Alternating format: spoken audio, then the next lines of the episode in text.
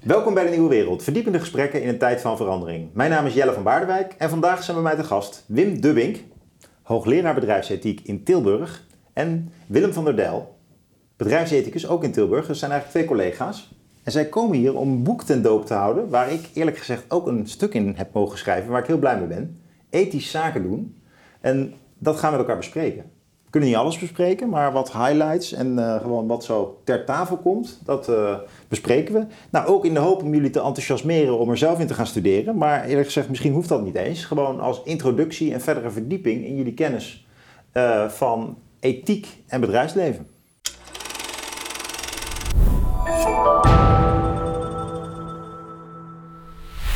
Nou, ik stel voor dat we dat doen. En ik uh, heb het boek zelf, ik had het al eerder gelezen uiteraard, want jullie sturen het al toe. Van, uh, heb je ook nog feedback op de andere hoofdstukken? En uh, zo ontstaat zo'n boek samen. Want zij hebben het dus niet samen geschreven, maar jullie hebben de helft denk ik samen geschreven. En de andere helft, dat zijn auteurs.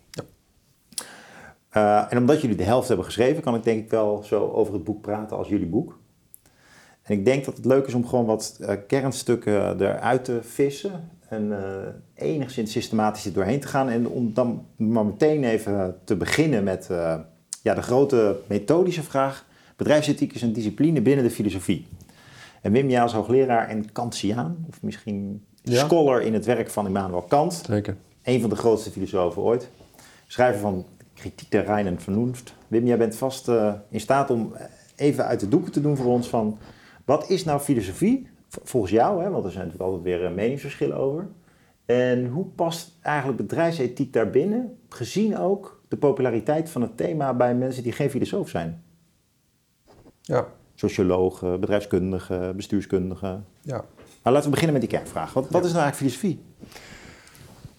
Ik zou zeggen dat uh, filosofie, ik kan het, probeer het altijd zo kernachtig mogelijk uit te drukken. En dan zeg ik, filosofie is nadenken over nadenken. Dus alle mensen denken na. Iedereen, het, is hoort tot de, kern eigenlijk van mens zijn, zou ik willen zeggen. Dat je al nadenkend in, de, in, de, in het leven staat.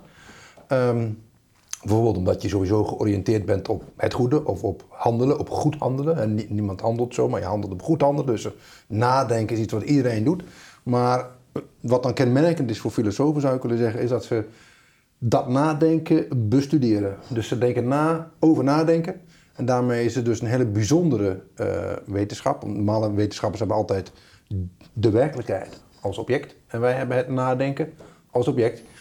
Dat moet je wel een beetje breed nemen, want die, dat commentaar heb ik ook gehad. Dat mensen zeggen, ja, maar is dan filosofie alleen logica? Nee, wij denken ook na over, eh, over de dingen die, die zich verhouden tot de werkelijkheid. Dus met welke concepten, mens, wereld, eh, gebruiken wij eigenlijk om de wereld te, te benaderen. Dus het is niet puur formeel, ook logica, maar ook nadenken over wetenschap, over het leven, over het, enzovoort. Ja, ja. Ja. ja, ik zou zeggen toch dat het een redelijk epistemologische definitie is. Dus hij neigt naar de kennisleervariant. En dat veel filosofen, bijvoorbeeld Aristoteles, en wat wij hier bij de Nieuwe Wereld ook eigenlijk vaak doen, meer redenerend vanuit Aristoteles of bijvoorbeeld Alistair McIntyre of Hegel, dat je ziet dat daar uh, ook wel grondbegrippen centraal staan die eigenlijk niet meer in het bereik van de kennis zitten. Maar bijvoorbeeld, ja, wat zijn nou zeden? Wat is cultuur? Wat is de verbeeldingskracht? En dan, dan kom je wel bij een begrip van filosofie dat ook echt maatschappelijk is en contextgevoelig. Ja, maar ik, ja, dus... Of zeg jij, eh, van, zeg jij van dat hoort er ook bij? Of zeg jij van dat is geen filosofie meer? Nee, nee, nee, nee. Dat, ik probeer dat juist, dat probeerde ik met mijn eh, kleine bijzin van dat gaat ook over concepten die over de werkelijkheid gaan, bij te pakken. Dus ik wil niet een epistemische definitie hebben van, uh, van filosofie. Uh, maar één die inderdaad ook het bestaan betreft. Want dat is ook iets wat wij dus. Dus ik zou willen zeggen.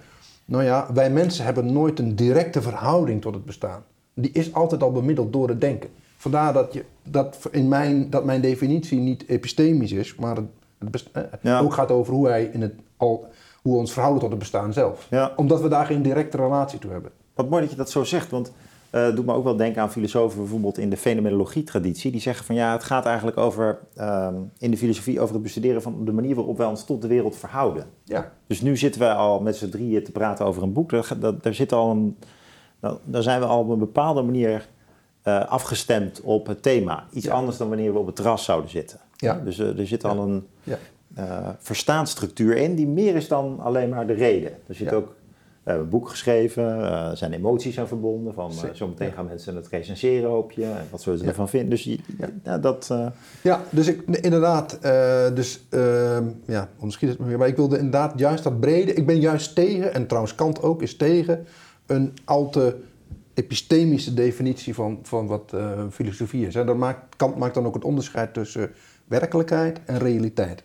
En je werkelijkheid is daar waar, waar wetenschappers zich toe uh, verhouden, maar de filosoof verhoudt zich tot de realiteit. En dat is datgene wat ook breder is dan, dan de werkelijkheid. Bijvoorbeeld voor Kant is een heel centraal begrip is vrijheid. Maar vrijheid is niet iets wat in de werkelijkheid zit, want het is alleen, bestaat, ja, wij kunnen er überhaupt geen voorstellingen van krijgen. Voor zover wij er een voorstelling van hebben, is dat iets wat in het denken bestaat.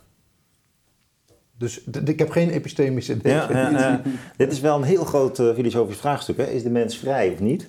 Ja. Uh, wat ik voorstel is dat we die even, even parkeren. Uh, parkeren. en, maar daar gaan we zo meteen wel op terugkomen. Want veel mensen die dit boek gaan lezen, die zullen wel die vraag hebben van... ja, we leven nu helemaal in een systeem waarin mensen hun behoeften willen bevredigen en winst willen maken. Ja. En zijn we eigenlijk wel vrij genoeg om te kiezen voor hogere idealen? Want dat is wat de bedrijfsethicus, denk ik, graag onderzoekt. Ja. En dan spreek ik even voor mezelf, maar dan kijk ik ook naar jou, Willem. En ik zal het eerst zelf even zeggen: van in, mij, wat mij motiveert in de bedrijfsethiek is juist het inspirerende verschil tussen de ordinaire wereld van macht, uh, geld, markten, winsten en innoveren. Dat is vaak ook uh, trial and error en er gaat ook van alles mis. En daar worden mensen ontslagen en voor aangenomen. En, uh, dus dat, dat is de, de rauwe werkelijkheid van de economie. En dan de ideële werkelijkheid van is het wel rechtvaardig? Is het goed voor Nederland? Is het, is het niet discriminerend? en um, hoe zit het eigenlijk met de natuur? En die twee bij elkaar brengen, dat is ja. vaak heel lastig. Maar in de bedrijfsethiek is dat dus voor mij in ieder geval een belangrijk motief om juist hier in deze smerige ja. tak van sport te zitten. Ja. Uh, want je zit toch in het bedrijfsleven, maar je brengt eigenlijk dat, die grotere idealen mee. En ik probeer altijd zo uh, ook de studenten en ook uh, in mijn schrijven wel te benadrukken dat het, niet, dat het in het ideale geval keeper je die idealen niet over de schutting van de, van de modderpool, maar laat je eigenlijk zien in de modderpool van de haal. Hè? Als je nou twee keer over nadenkt, ja, ja. Dan, dan, zit je zelf ook al na te denken over wat is eigenlijk een leuke collega. Dus ja, ja wat betekent collegialiteit? En wat zegt dat over hoe je mensen selecteert bijvoorbeeld om uh, carrière te maken? Dus dat is even meer een, een, een verwoording van mijn motivatie voor het bedrijfsethiek. En dan ben ik benieuwd naar de jouwe en ook of jij toch ook kan benoemen wat nou eigenlijk bedrijfsethiek doet. Ja. Nee, ik denk dat het helemaal klopt. En, en heel veel mensen hebben dat idee ook een beetje, dat uh, uh, ja, ethisch zaken doen of bedrijfsethiek, dat dat een beetje een beetje een contradictio in termine. Het is dat er een grote spanning zit tussen die twee ideeën. Van oké, je hebt het bedrijfsleven, dat is een bepaalde manier van doen. En ethiek, maar eigenlijk, eigenlijk, eigenlijk zijn die heel moeilijk met elkaar te verenigen. En ik denk ook heel veel mensen die juist iets heel goed willen doen, die erg moreel gemotiveerd zijn. Dat zijn vaak mensen die eigenlijk liever het bedrijfsleven of het zakenleven eh, vermijden. Maar dat is eigenlijk veel te belangrijk voor. Want stiekem, de, bijna alle, alles, onze de hele manier hoe de, ja, alle, veranderingen, alle, alle grote veranderingen in de, in, de, in de wereld, die zijn eigenlijk, worden die allemaal vormgegeven door bedrijven. En dat kan inderdaad soms ten goede, maar ook soms ten, ten slechte gaan. En ik denk daarom dat het eigenlijk heel erg uh, ja, heel belangrijk is. En het is inderdaad zo, mensen, zit, heel veel studenten met name, die worden heel erg getraind in het idee, in een bepaalde manier van denken over, over het bedrijfsleven. En inderdaad, dat het een bepaalde economische functie heeft. En, um, ja, die heeft het ook. En dat, ja, dat, natuurlijk. En, en, en, en dat het op een bepaalde manier werkt. Maar daar heeft de ethiek vaak een hele kleine rol in. En dat vind ik, wel, dat vind ik zelf leuk aan, aan, aan bedrijfsethiek geven. En zo'n boek schrijven, dat het, dat het heel duidelijk laat zien dat die kant er aan zit. En ook op welke, en hoe je daarmee om kan gaan. Niet alleen, niet alleen op een theoretisch niveau, maar eigenlijk ook op een praktisch niveau. Ja, er zitten veel mooie praktische voorbeelden in. Voordat we er daar even uitpakken, nog één ding om toe te voegen aan wat jij zegt. Voor mij is bedrijfsethiek ook wel een deel van wetenschapsfilosofie, of dat betrek ik er ook wel bij. Omdat je ziet dat uh, heel veel vragen uh, in het bedrijfsleven en ook in de reflectie op het bedrijfsleven, bijvoorbeeld strategie of hoe werkt nou een slotanalyse. Ja, dat is dan zo'n typische consultancy tool die je dan in het eerste jaar leert kennen om ja, ja. Uh, met elkaar in projectvorm eerst advies te geven. Dat als je niet helpt om die mensen uh, in hun denken te stimuleren om te begrijpen wat eigenlijk de status is van een consultancy tool en een theorie. En wat het wereldbeeld of het werkbeeld daarachter is en het marktbeeld. Eh, als je dat niet doet, ja, dan is het gewoon allemaal kennis. En als je het wel doet, dan komt er een soort orde. Dan beginnen ze te begrijpen, oh ja, dit, dit zijn strategische instrumenten, dit is een theoretische reflectie. Maar de grote vraag blijft natuurlijk ook, ja, moet het allemaal wel zo? Moet ik dit, kan dit wel? Heb ik goede redenen? En dan ben je al eigenlijk bij de ethiek. Hè? Dus de, je moet ook die, die eh, mensen in het bedrijfsleven, maar vooral die ervoor studeren, eigenlijk ehm, ontvankelijk maken voor, voor ethische Ja. reflectie. En dat doe je ook door te leren van ja, wat is wetenschap en wat Ja. kan wetenschap niet. En ik, mij valt op dat economen en bedrijfskundigen, ze vinden zelf allemaal dat ze het erg eh, wetenschappelijk aanpakken, maar die grondbegrippen uit elkaar halen, dat, Mm. dat is nog wel eens heel ingewikkeld. En dan kun je een soort eenzijdigheid krijgen. Ja, ja, ja. Maar wat ik ook wel, eh, als ik daar mag aanvullen, ehm, wat ik zelf heel belangrijk vind als je bedrijfsethiek doet, is dat je het ook echt eh, filosofisch insteekt. Hè? Dus dat je ook niet, niet alleen de wetenschapsfilosofie erbij haalt, maar inderdaad ook de filosofie als en eh, ja, eh, de metafysica of de, of de postmetafysica. Wat je, wat je heel snel ziet is dat mensen bedrijfsethiek benaderen als iets heel praktisch. Ja, oh, ik ben hier met mijn zaken bezig. En maar vervolgens stellen ze onmiddellijk altijd de meest fundamentele vragen. Of ze poneren de meest fundamentele stellingen. Ja, de, de mens is een, is een winstmaximalisator. Oh, oké, eh, dat is nogal een, dat is een bewering over het menselijk zijn. Dus, en, dus je, en het gevaar van, de, van, van, van heel veel bedrijfsethiek vind ik dat ze daar een te praktisch mee om willen gaan. Ja. Eh, Ik zal meteen maar laten, even laten zien dat het nuttig voor je is. Maar dan, dat gevecht win je eigenlijk nooit. Want het, uiteindelijk is ethiek niet nuttig.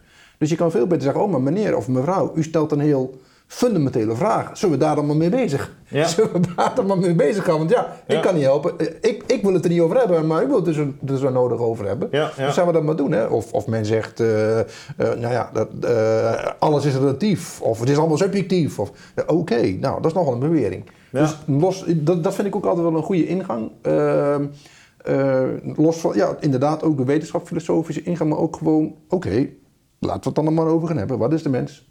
Ja. Waar, gaat, het- waar gaat het om? Wat is goed?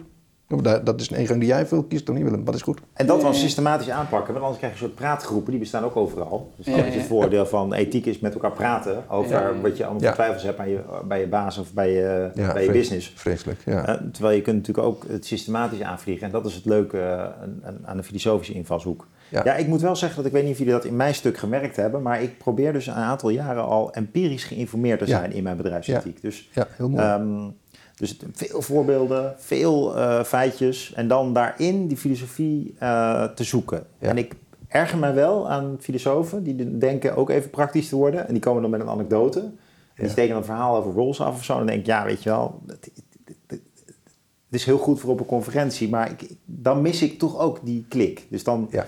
je kunt ook te snel naar de conceptuele analyse gaan. Ja. Dan, dan, kijk, in de filosofie kun je, dan wordt het een soort conceptueel spel. En dat is ook een interessant iets op zich. Maar ik vind voor, voor de bedrijfsethiek moeten we toch als eis stellen dat het praktisch blijft.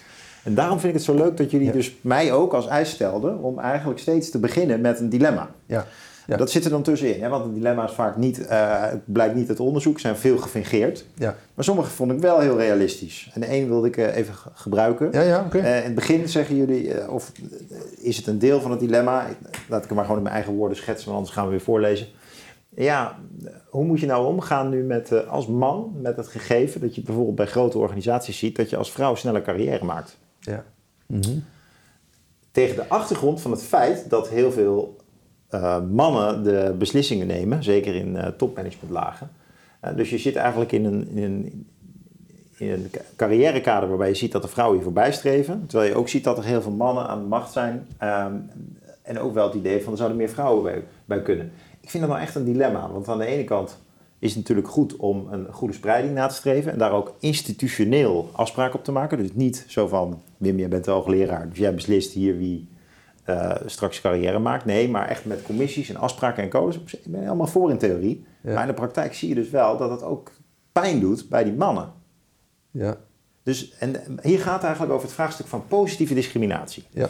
En wat, wat zijn daar nou filosofisch, ethisch, empirisch, wat, wat zijn nu voor jullie de belangrijke kanten daarvan om eh, even te benoemen? Want, Nou ja. moet je dat doen als organisatie? Nou, dat, misschien één- één ding wat natuurlijk sowieso interessant is in iets wat je zegt, is dat, is dat het mom- momenteel zo is dat, het, dat voor vrouwen het op sommige plekken makkelijker is om carrière te maken dan voor mannen. Ja, Maar dat op zichzelf is natuurlijk eigenlijk al best een lastig, lastig iets om überhaupt Is dat empirisch zo? te stellen. Zelfs als dat zo is, ja, zelfs als dat zo is op een, ehm, op, sommige, op sommige plekken in iemands carrière. Nou, laten we, laten we eh, voor de, voor de Oké. sake of argument dit aannemen. Ik denk dat heel veel kijkers het zullen herkennen. Dat eh, zeker bij bedrijven die gewoon modern zijn en eh, dat we op- opereren vanuit eh, ja, de Volkskrant en het NRC-publiek. Dat, dat, je nu wel ziet dat, dat, dat er moet gewoon een gelijke verdeling van man en vrouw zijn. En het feit is wel dat dat niet zo is. In heel veel sectoren. In de publieke sector valt het erg mee. Klein voorbeeldje bijvoorbeeld. Op de Universiteit van eh, Eindhoven Ja, ja. meen ik dat het nog steeds beleid is. Dus eh, dat vrouwen eh, kunnen worden aangenomen voor een vast contract, maar mannen niet. Dus dat, dat zijn van die voorbeelden. Ja. En die illustreren natuurlijk iets. Want er werken daar weinig vrouwen. Dus ja, hoe kom je anders? Hoe kom je aan die vrouwen als je maar mannen blijft aannemen? Ja. Maar goed, ga door. Dan, Nee, maar ik- maar- anders vul ik hem ik- helemaal ik- zelf in. Je mag ook tegengas geven. Het is, ik een bespreking, het is een bespreking van een dilemma wat mij betreft. Ik, ik, ga, ik, ga, ik ga met je mee. Maar een van de dingen die, die daar natuurlijk wel een belangrijke, een belangrijke vraag bij zit. En een van de aannames, denk ik, bij veel van die mensen die dit soort beleid voorstellen, is dat, dat, is dat je mensen op sommige plekken helpt. Maar dat, maar dat, het, dat het wel mensen zijn die op eerdere plekken in hun carrière het moeilijker hebben gehad. Dus dat, dat, dat het, het, is, het is nog steeds moeilijker om als vrouwelijke student succesvol te zijn in te- de techniek, of überhaupt misschien zelfs om techniek te kiezen. Dan kan je vragen of dat misschien niet. Het is gek is om te zeggen dat dat. dat, dat, dat zou met biologie te maken kunnen hebben natuurlijk. Maar Nee, kan. Maar in ieder geval dat, dat, dat, je, dat je heel veel tegengas hebt vroeger in je carrière. En, en dat Ja, je nu, nu verder wordt geholpen. Het is wel interessant wat je zegt, want hier had ik het, het is goed dat je dit benoemt. Dus eh, een, een niet in alle opzichten rechtvaardige eh, ingreep kan, kan je dus juist rechtvaardigen om iets te herstellen. Je, kan, Nou, ja, omdat, omdat je kunt zeggen bijvoorbeeld, zo geldt het ook voor, voor mensen met een migratieachtergrond nu. ja, ja, Die, willen, die zijn natuurlijk ook gewenst nu in managementteams. ja, ja. En dat komt omdat men vindt dat die representatie, dus diversiteit, moet er komen. Nou, dat lukt niet. ja. Dus dan moet je die mensen eigenlijk een kruiwagen geven. Dat Ja, geef je ja. andere mensen niet. Sterker nog, die kruiwagen blokkeert de weg van een ander. En dat doe je dan omdat je zegt, ja, maar op de middelbare school heb je het waarschijnlijk zwaarder gehad. Of ja. eh, er is reden om te denken dat Nee, klasse, huidskleur, eh seksen in de weg zitten om een Ja. gelijke concurrent te zijn van een normale, van een zevenvinker, heet dat tegenwoordig. Ja, nee, exact. Maar als dat zo is, dus als het waar is wat, wat, ik, wat ik zeg, en dat is natuurlijk ook, ook een aanname, dus als we het hebben over empirisch gericht onderzoek, dan doen we het hier nog niet heel goed misschien, maar Nou, laat- laten we... Het begint al met het eh, verwoorden van de aanname. hè. Dus de, de- Ja, dat kun je dan verder onderzoeken. Maar laten we, laten we, laten we maar wat dat betekent, wat dat laat zien is dat er een spanning zit tussen enerzijds procedurele gelijkheid. Dat je zegt, oké, iedereen, iedereen die solliciteert, die springt door precies dezelfde hoepel. Eh, en, en we hebben een, kwaliteitsstandaard afgesproken, dus iedereen met een bepaalde jaren, hoeveelheid jaren ervaring, publicaties in een academische setting. Ehm, ja, degene die daar het best op scoort, die nemen we aan. Dus dat zou je procedurele gelijkheid kunnen noemen. En je kan het hebben over kansgelijkheid. En, en als het waar is wat, wat ik zeg, dus dat, dat, dat, dus dat soort situaties altijd voorgaan en het feit dat mensen eerder in hun carrière het moeilijker hebben gehad, dan laat dat zien dat er een spanning is tussen die twee zaken. Dus dan moet je denk ik toch, ja, Mooi verschil Dilemma. tussen kansen en procedurele rechtvaardigheid dus. ja, dat Ja. Denk, dat denk, zo zie ik het dilemma. Ja, nou ja, ik zou er, aangenomen dat het zo empirisch eh, klopt, wat ik wel betwijfel, maar eh, aangenomen dat het empirisch klopt, dan eh, is het natuurlijk zo dat, dat elke samenleving eh, op een bepaald moment eh, zijn doelen stelt en ook mag stellen.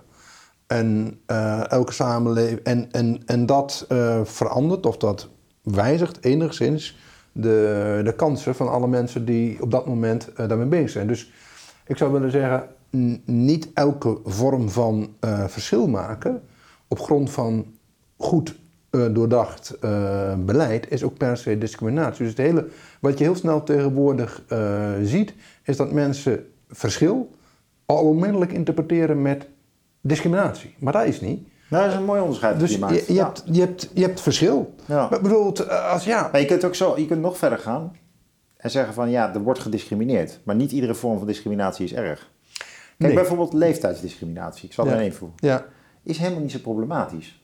Want Iedereen wordt op een gegeven moment ouder. Dat is iets heel anders dan discriminatie op basis van huidskleur.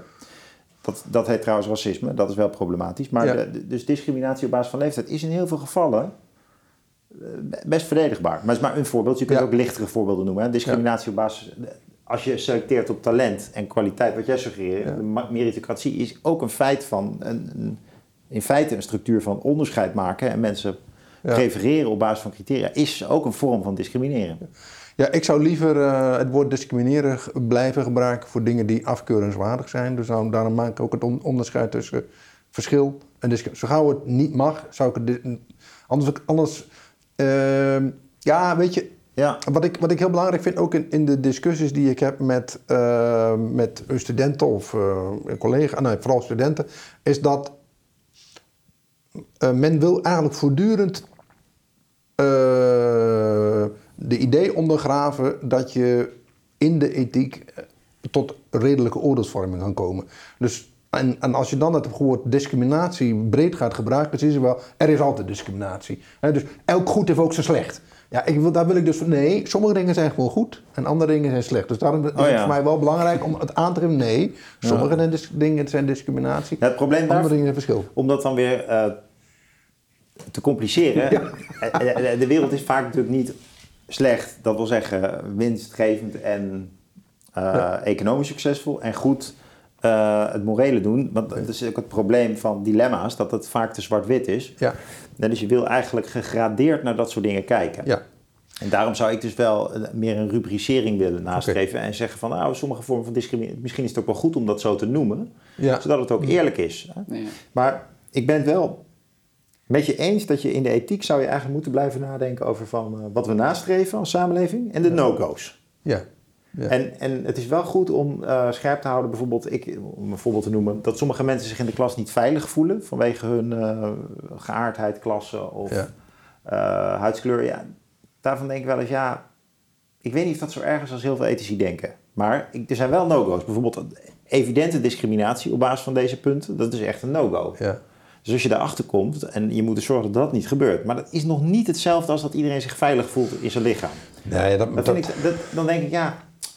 Kijk- hè, dus dat, dat vind ik het lastige aan die... ehm, Ja, wat ik- aan het, eh, verschil maken en discrimineren. Dat discrimineren wordt dan vaak een plekje waar al die dingen inkomen. Hè? ja, ja, En, ja. eh, Dus, dus je, moet, eh, je moet ook streng durven zijn en dan zeggen van oh, wat, wat is het? En dat moet je dan ook eigenlijk verklaren tot...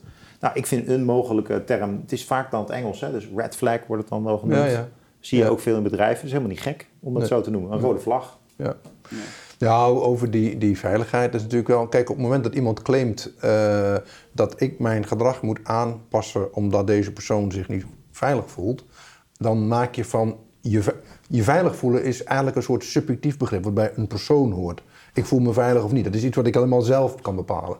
Maar op het moment dat ik mij zeg dat ik mij in een sociale situatie niet veilig voel eh, en ik dus van andere mensen wat verwacht, dan wordt het een intersubjectief begrip. Ja. En dat betekent eigenlijk dat je criteria moet stellen. Maar je zegt, ja, je kan je nou wel niet veilig voelen, maar dat, dat, is jouw, dat is jouw probleem in dit geval. Dat Ja. kan, hè? Niet dat je daar te Ja. snel mee moet zijn. Nee, dat moet maar wel- het is wel een, inter- op het moment dat je het interpersoonlijk gebruikt, om, om tegen iemand te kunnen zeggen, daarom moet jij zus, daarom moet je zo, dan moet je ook criteria gaan stellen en zeggen, oké, eh, hier, hier mag je inderdaad zeggen dat dit onveilig is, maar, maar, maar nee, dit kun je echt niet onveilig noemen. Dit, is, dit hoort bij jou. Het is fascinerend wat je nu zegt. Want ik denk dat het nog een uitdaging is voor ons vakgebied om dit te verwoorden. Ja, ja dus dat, de- wat, wat zijn die criteria dan? Maar ik, Ja. ik wil... eh, aan we, willen namelijk Ja. ook een tour de force door het boek heen. Ja. Ik blijf heel even bij jou en dan graag jouw reflectie erop. Ik kwam namelijk over het mens zijn gesproken, Wim. Mhm. En in jouw stuk een eh, volgende eh, zin tegen. En eh, ik vond hem heel filosofisch klinken, maar ik dacht ook van, nou oké, laten we eens proberen om dat nou te concretiseren. Op pagina 65, dan hebben we het over eh, de waarde van een persoon zijn. Dat raakt ook wel aan die veiligheid, denk ik.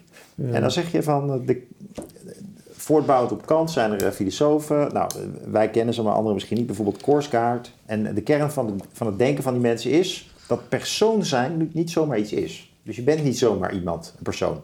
De fundamentele waarde als persoon is iets dat alle mensen in potentie toekomt. Ja. Tegelijkertijd is het iets dat mensen in hun leven moeten actualiseren. ja. En dan dacht ik wel van, daar heb ik best allemaal beelden bij eh, maar ik was gewoon benieuwd naar jouw beelden. Van wat, wat betekent het nou wanneer we zeggen als filosoof, ja, de mens is eigenlijk in potentie ehm, waardevol. En eh, eh, ja, ik bedoel, als een baby geboren wordt, is het, dan, dan vinden we het ook al waardevol. En eh die potentie doet ook een beetje denken aan eh, zelfontplooiing in de zin van ben je dan pas waardevol als je je studie hebt afgemaakt. Dus wat, in welke zin kun je dat vanuit het mensbegrip van de mens is eh, Ja. iemand die zijn persoon zou moeten actualiseren, kun je dat eens uitleggen en verdiepen aan ons? Nou ja, dat heeft er eigenlijk mee te maken dat de, de ethiek eigenlijk over, over twee verschillende dingen gaat. Ethiek gaat enerzijds over intermenselijke verhoudingen. Hoe moet ik mij tegenover van jou gedragen? Hoe moet jij je ten opzichte van mij gedragen? Dat is een aspect van de ethiek. En het andere is, hoe verhoud ik me tot mezelf? Wie moet ik eigenlijk zijn? En als we zeggen dat mensen in potentie een, pers- een persoon zijn, dat betekent eigenlijk dat ik iedereen op grond van zijn potentie heb ik in interpersoonlijke relaties ehm, iedereen op een bepaalde manier te handelen. Hè? Dus als de vraag gesteld wordt van, en dat wordt al vaak een standaard voorbeeld helaas, eh, waarom zou je Adolf Hitler moeten respecteren omdat hij ook anderen niet respecteert? Antwoord, omdat hij nog steeds in potentie een mens is. Maar wat Adolf Hitler dus niet gedaan heeft, is zijn potentie als mens actualiseren. Is dit, ook de, is dit ook eigenlijk het fundamentele schema achter de rechtsstaat waarom we zeggen, ook een misdadiger verdient nog een, een rechtspraak? Ja, dat, ja, ja ik, ik denk wel Iets dat van de integriteit van je menselijkheid blijft bewaard, Iets ook al ben je een ontzettende klootzak. iets, ja, ja, en die, ja, wij kunnen. Die, die, die, eh, die, die potentie nooit afnemen. Omdat het mens zijn zich toch nog steeds weerspiegelt in die persoon. Ja, ik, vind het wel, ik vind het sowieso heel mooi hoe je het net opende, dat je zegt van ja, ethiek gaat over mijn verhouding tot anderen, Ja, maar ethiek gaat ook over je verhouding tot jezelf. ja dat, en en dat is eigenlijk het belangrijkste, zou ik willen zeggen, van de ethiek. Ja. Ja. En ehm, En dat is het persoon. Persoon zijn betekent eigenlijk heel simpelweg dat je ah, je persoon zijn actualiseren. Dat betekent eigenlijk dat je de waarde die je als mens eh, eh, in potentie hebt, dat je dat ook, dat je denkt, vrek, die waardigheid, dat is iets wat ik, dat, dat heb ik niet zomaar, daar moet ik iets voor doen. Ja, en dat betekent dus volgens mij, maar ik weet weet niet of jullie dat, ik zou dat invullen een beetje vanuit de lijn van Harry Frankfurt, die daar natuurlijk die beroemde theorie over heeft verwoord, dat hij zegt van ja, je moet dus bedenken van wat zijn jouw ev- evaluaties, wat vind je belangrijk? Ja. Dus eh, bijvoorbeeld, eh, nou, ik wil, ik wil graag filosoof zijn. Ja, En dat is natuurlijk een, een, een ambacht, daar heb ik ook al een studie voor afgelegd, maar dat moet ik ook mezelf ehm, toe blijven aanzetten. Want dan denk ik ook, Ja. ik kan nu dit of dat doen. Ik kan nu bijvoorbeeld die roman gaan lezen, met vrienden een biertje gaan drinken, of ik kan me nu verder in dit vraagstuk verdiepen. Dan denk ik, nou, als ik filosoof wil zijn, dan moet ik, eigenlijk daar, dan moet ik eigenlijk daarvoor gaan. En dat is dan een levensfilosofische invulling van normativiteit. Maar het geldt natuurlijk ook bij moraliteit. Bijvoorbeeld in mijn vaderschap eh, heb ik wel eens het probleem dat ik denk van waar ik wil de krant lezen of filosoof worden. ja, En dan moet ik bij mezelf nadenken van ja, ik heb eigenlijk helemaal geen zin om te spelen eh, met, met, met, met mijn eigen kinderen. Het is net vakantie geweest, ik bedoel, daar ben ik dan ook eerlijk in. En, Ja. Maar dan denk ik toch van ja, maar waarom eigenlijk? Weet je wel, ze komen net uit school ja, en dan mobiliseer ik die energie en dan doe ik het. En dan denk ik, ik vind het ook nog leuk, maar het is eigenlijk ook, plezier is op een hoger niveau. Ja. Want ik heb me dan, vanuit het ideaal beslis ik daar dan toe. Ja, ja, het is eigenlijk altijd, en dat is wel mooi dat je een voorbeeld dat je dat geeft, dat je er je toe aan moet zetten, maar dat inderdaad dat persoon worden en dat persoon zijn, heeft altijd te maken met ergens even overheen stappen. Eigenlijk altijd over jezelf heen stappen. Want het- Ja. je begon net over die baby. Die baby die wordt geboren met een, met een bepaalde natuurlijke karakteristieken. En ehm, die heeft al in potentie dat persoon zijn. Maar er, zit ook allerlei, er zitten allerlei fouten in, als het ware, ingeweven. En in de loop van, die, van zijn leven komen er nog meer allerlei eh, fouten bij aan karakterontwikkelingen en zo. En persoon zijn betekent eigenlijk voortdurend zeggen tegen jezelf: ja, maar die persoon moet ik zijn, Ja. niet deze. En ook Dus leren, altijd- en ook le- leren te, te bedenken van wie ben ik en wat zijn, wat zijn mijn mogelijkheden, Ja. eh, wat zijn mijn plichten. Ja, En, eh, en ook daar je geluk op afstemmen. Niet denken van ehm, ja, eh, ik wil gewoon een nieuwe auto of ik wil gewoon een boek lezen. Maar Nee. bedenken van ja, kijk, wie, wie, wie, wie ben ik nu? Ik ben een vader van twee kinderen, ik, Ja. ik, ik heb een relatie, ik heb vrienden, eh, ik heb een druk weekend voor de boeg. Van, ik moet even goed nadenken van wat hoort nu? ja. En, hoe, en daar binnen die vreugde vinden. En dat is dan, en dat, dat- in die zin is dus een persoonlijke ethiek best, heeft best wel te maken met gewoon eh, orde krijgen in wat je prioriteiten zijn. Ja, ja, ja, ja zeker. Ja, ja. En, en voor een belangrijk deel kan je daar ook ehm, de vraag hoe je je moet ontwikkelen. Inderdaad, dus inderdaad dat voorbeeld van het vader eh, is mooi. Dus eh, je, je kan je, de kant die je op moet wordt eigenlijk al uitgestippeld door jouw ideaalbeeld van wat de vader zou moeten zijn. En dat bedenk je niet zelf, dat ideaalbeeld. Ja. Dat is in een, in een geschiedenis ook gekomen. En daar kan je je eigenlijk op, op richten. Ja. Ja. Willem, ik ga even naar jou Ja. om dit te verdiepen vanuit jouw hoofdstuk over morele redenen. Eh, want daarin, ehm, het leuke in jullie boek is dat jullie openen met van, eh, dit boek gaat nou eindelijk eens voorbij het schema van consequentialisme, utilitarisme en deontologie. Dus eh, dat moet je niet verwachten. En een van de redenen, zeggen jullie dan zo filijn, ja, Kant had ook een deugdethiek, dus eh hou hou nou op met die reductie van denkers tot scholen. En het leuke aan jouw hoofdstuk is dat je dan toch eigenlijk op een subtiele manier het wel weer afstoft. En zegt van, het, je kunt een onderscheid maken in je morele oriëntatie. Bijvoorbeeld als je het dus hebt over van, moet ik nu mijn vaderschap eh, uitleven of, of eh, kan ik gewoon filosoof zijn? Dat zijn nog niet eens echte morele uitdagingen. Dat, nou, trouwens, dit van het vaderschap natuurlijk wel, maar je kunt je eh neteligere kwesties voorstellen. Dan zeg jij eigenlijk van, ja, dan, dan komen toch die drie dingen van, wat zijn je principes? Wat zijn de gevolgen van je daden? En ehm, wat vergt het eigenlijk voor mij als persoon? Ja. Dus ik dacht, misschien kun je vanuit die voorbeeld die we net besproken, bespraken, di- di- dit nog wat eh, meer body geven. Dus bijvoorbeeld die, die principes die je, wat, wat, veel mensen denken toch van, ehm, oké, bedoel je rechtvaardigheid? Of wat, wat, eh, wat zijn nou voor de hand liggende principes die je kunt hebben en hoe hanteer je ze als principe? Ja. Of hoe zou jij, eh, hoe zou jij eh, zeggen dat die eh, eh, principes, ehm, je zou ook kunnen zeggen no-go's misschien al, hoe, zou- Ja. hoe, hoe, zou jij, hoe zou jij ze misschien, misschien één ding van de, een, een van de dingen waar ik, ehm, die ik belangrijk vind eigenlijk aan het hoofdstuk, is dat we ook beginnen met, ehm, met een stukje over, over het soort van morele problemen dat je hebt. En ik denk, ik denk heel veel, ehm, heel veel problemen die spelen. Dus, eh, je, je had eh, in je mail ook iets gezegd over, over Siewert van Linden bijvoorbeeld. En ik moest daar nu, nu ook weer aan denken over. Iemand die dan, waarvan je denkt dat is een behoorlijk verstandig persoon die toch behoorlijk maffe, moreel gezien behoorlijk maffe dingen doet.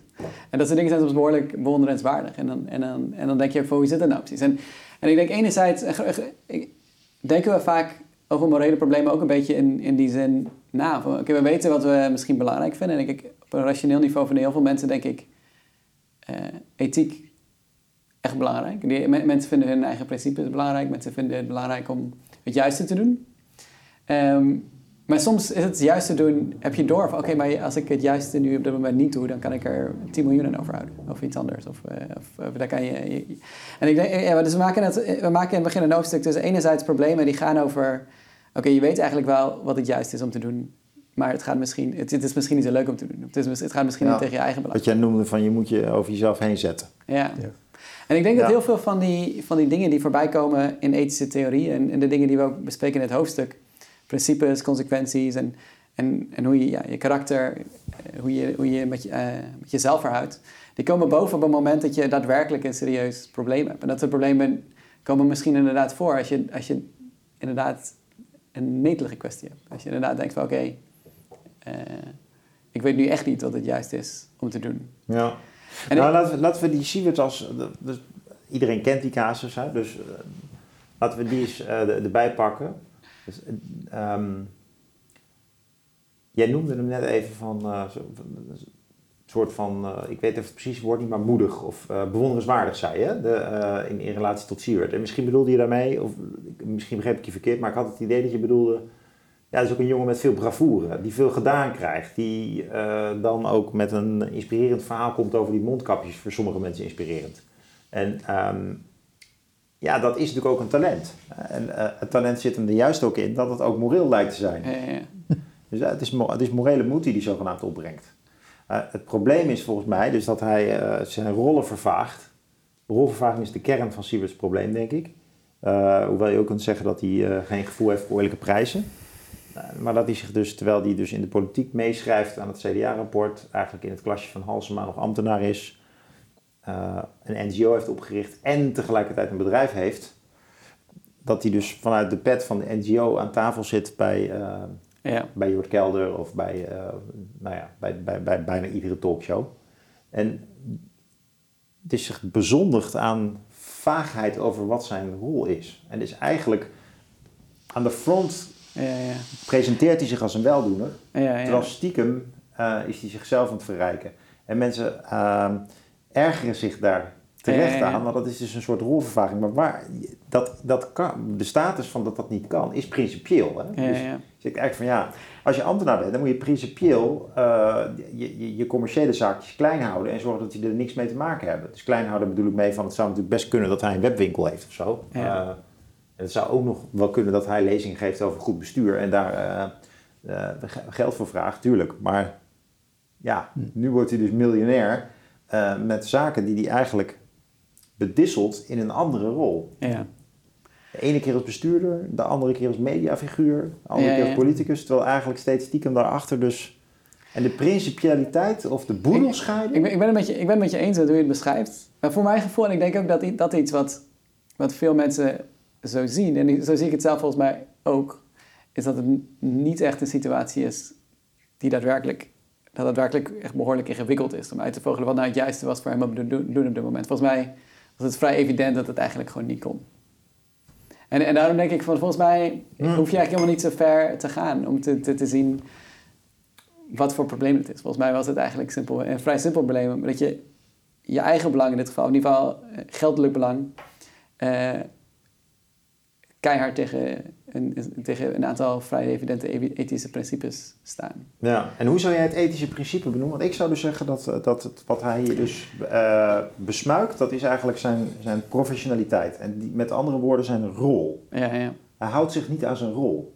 Ja, maar het is ook een kwestie van waarachtigheid. Want je zei, je zei net, hij, hij zat aan tafel en hij, hij besmaakte zich in vaagheid over hoe het precies is. Maar volgens mij was hij, je zou het ook, veel mensen lagen het als een soort van misleiding eigenlijk. Van je, je, je, doet, je doet je echt voor alsof je, Ja, ja. alsof je, alsof je iets doet puur vanuit, eh, vanuit je, de goedheid van je hart. Terwijl, het eigenlijk, terwijl je er eigenlijk 10 miljoen aan verdient. Ja. Er zit nog een ander eh, moreel vraagstuk aan, dat wil ik ook graag aan jou voorleggen. Namelijk hoeveel, want het heeft ook met, met zaken doen te maken, hoeveel kun je nou vragen voor een dienst Ja, ja. waarvan je weet eh, dat jij hem toch kan leveren voor een bepaald bedrag? En hoeveel winst mag je maken? Dus de, de rechtvaardige prijs. ja, Dat is ook zoiets waarvan mensen denken, nou, je hebt toch vraag en aanbod. ja, Dus ja, wat is nou de rechtvaardige prijs? ja.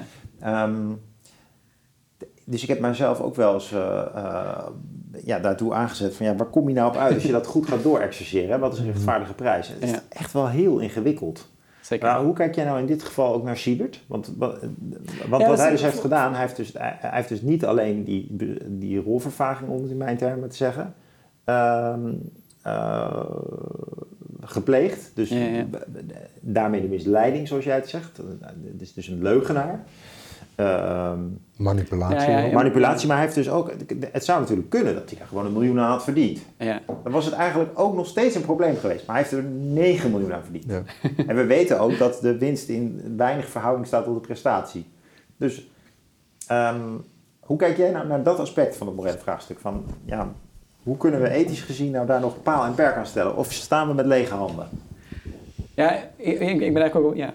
Ja. Nee, nee, ik, eh, Ik ga ben, jij ik ben eerst? benieuwd, eh, oprecht benieuwd. Nou ja, eh, ik zou willen zeggen, je, dus wat je zegt over die rol, dat klopt. Ik zou dat nog iets willen specificeren. En dat is, eh, en dan kom ik ook op die rechtvaardige prijs. Kijk, in, heel veel mensen denken dat in de middeleeuwen mensen heel raar nadachten over, eh, over eh, rechtvaardige prijs. Dat het een soort van objectief, eh, dat die monniken dan een beetje gingen meten. En dat ze dan zeiden, ja, dit brood moet ongeveer 2 euro kosten.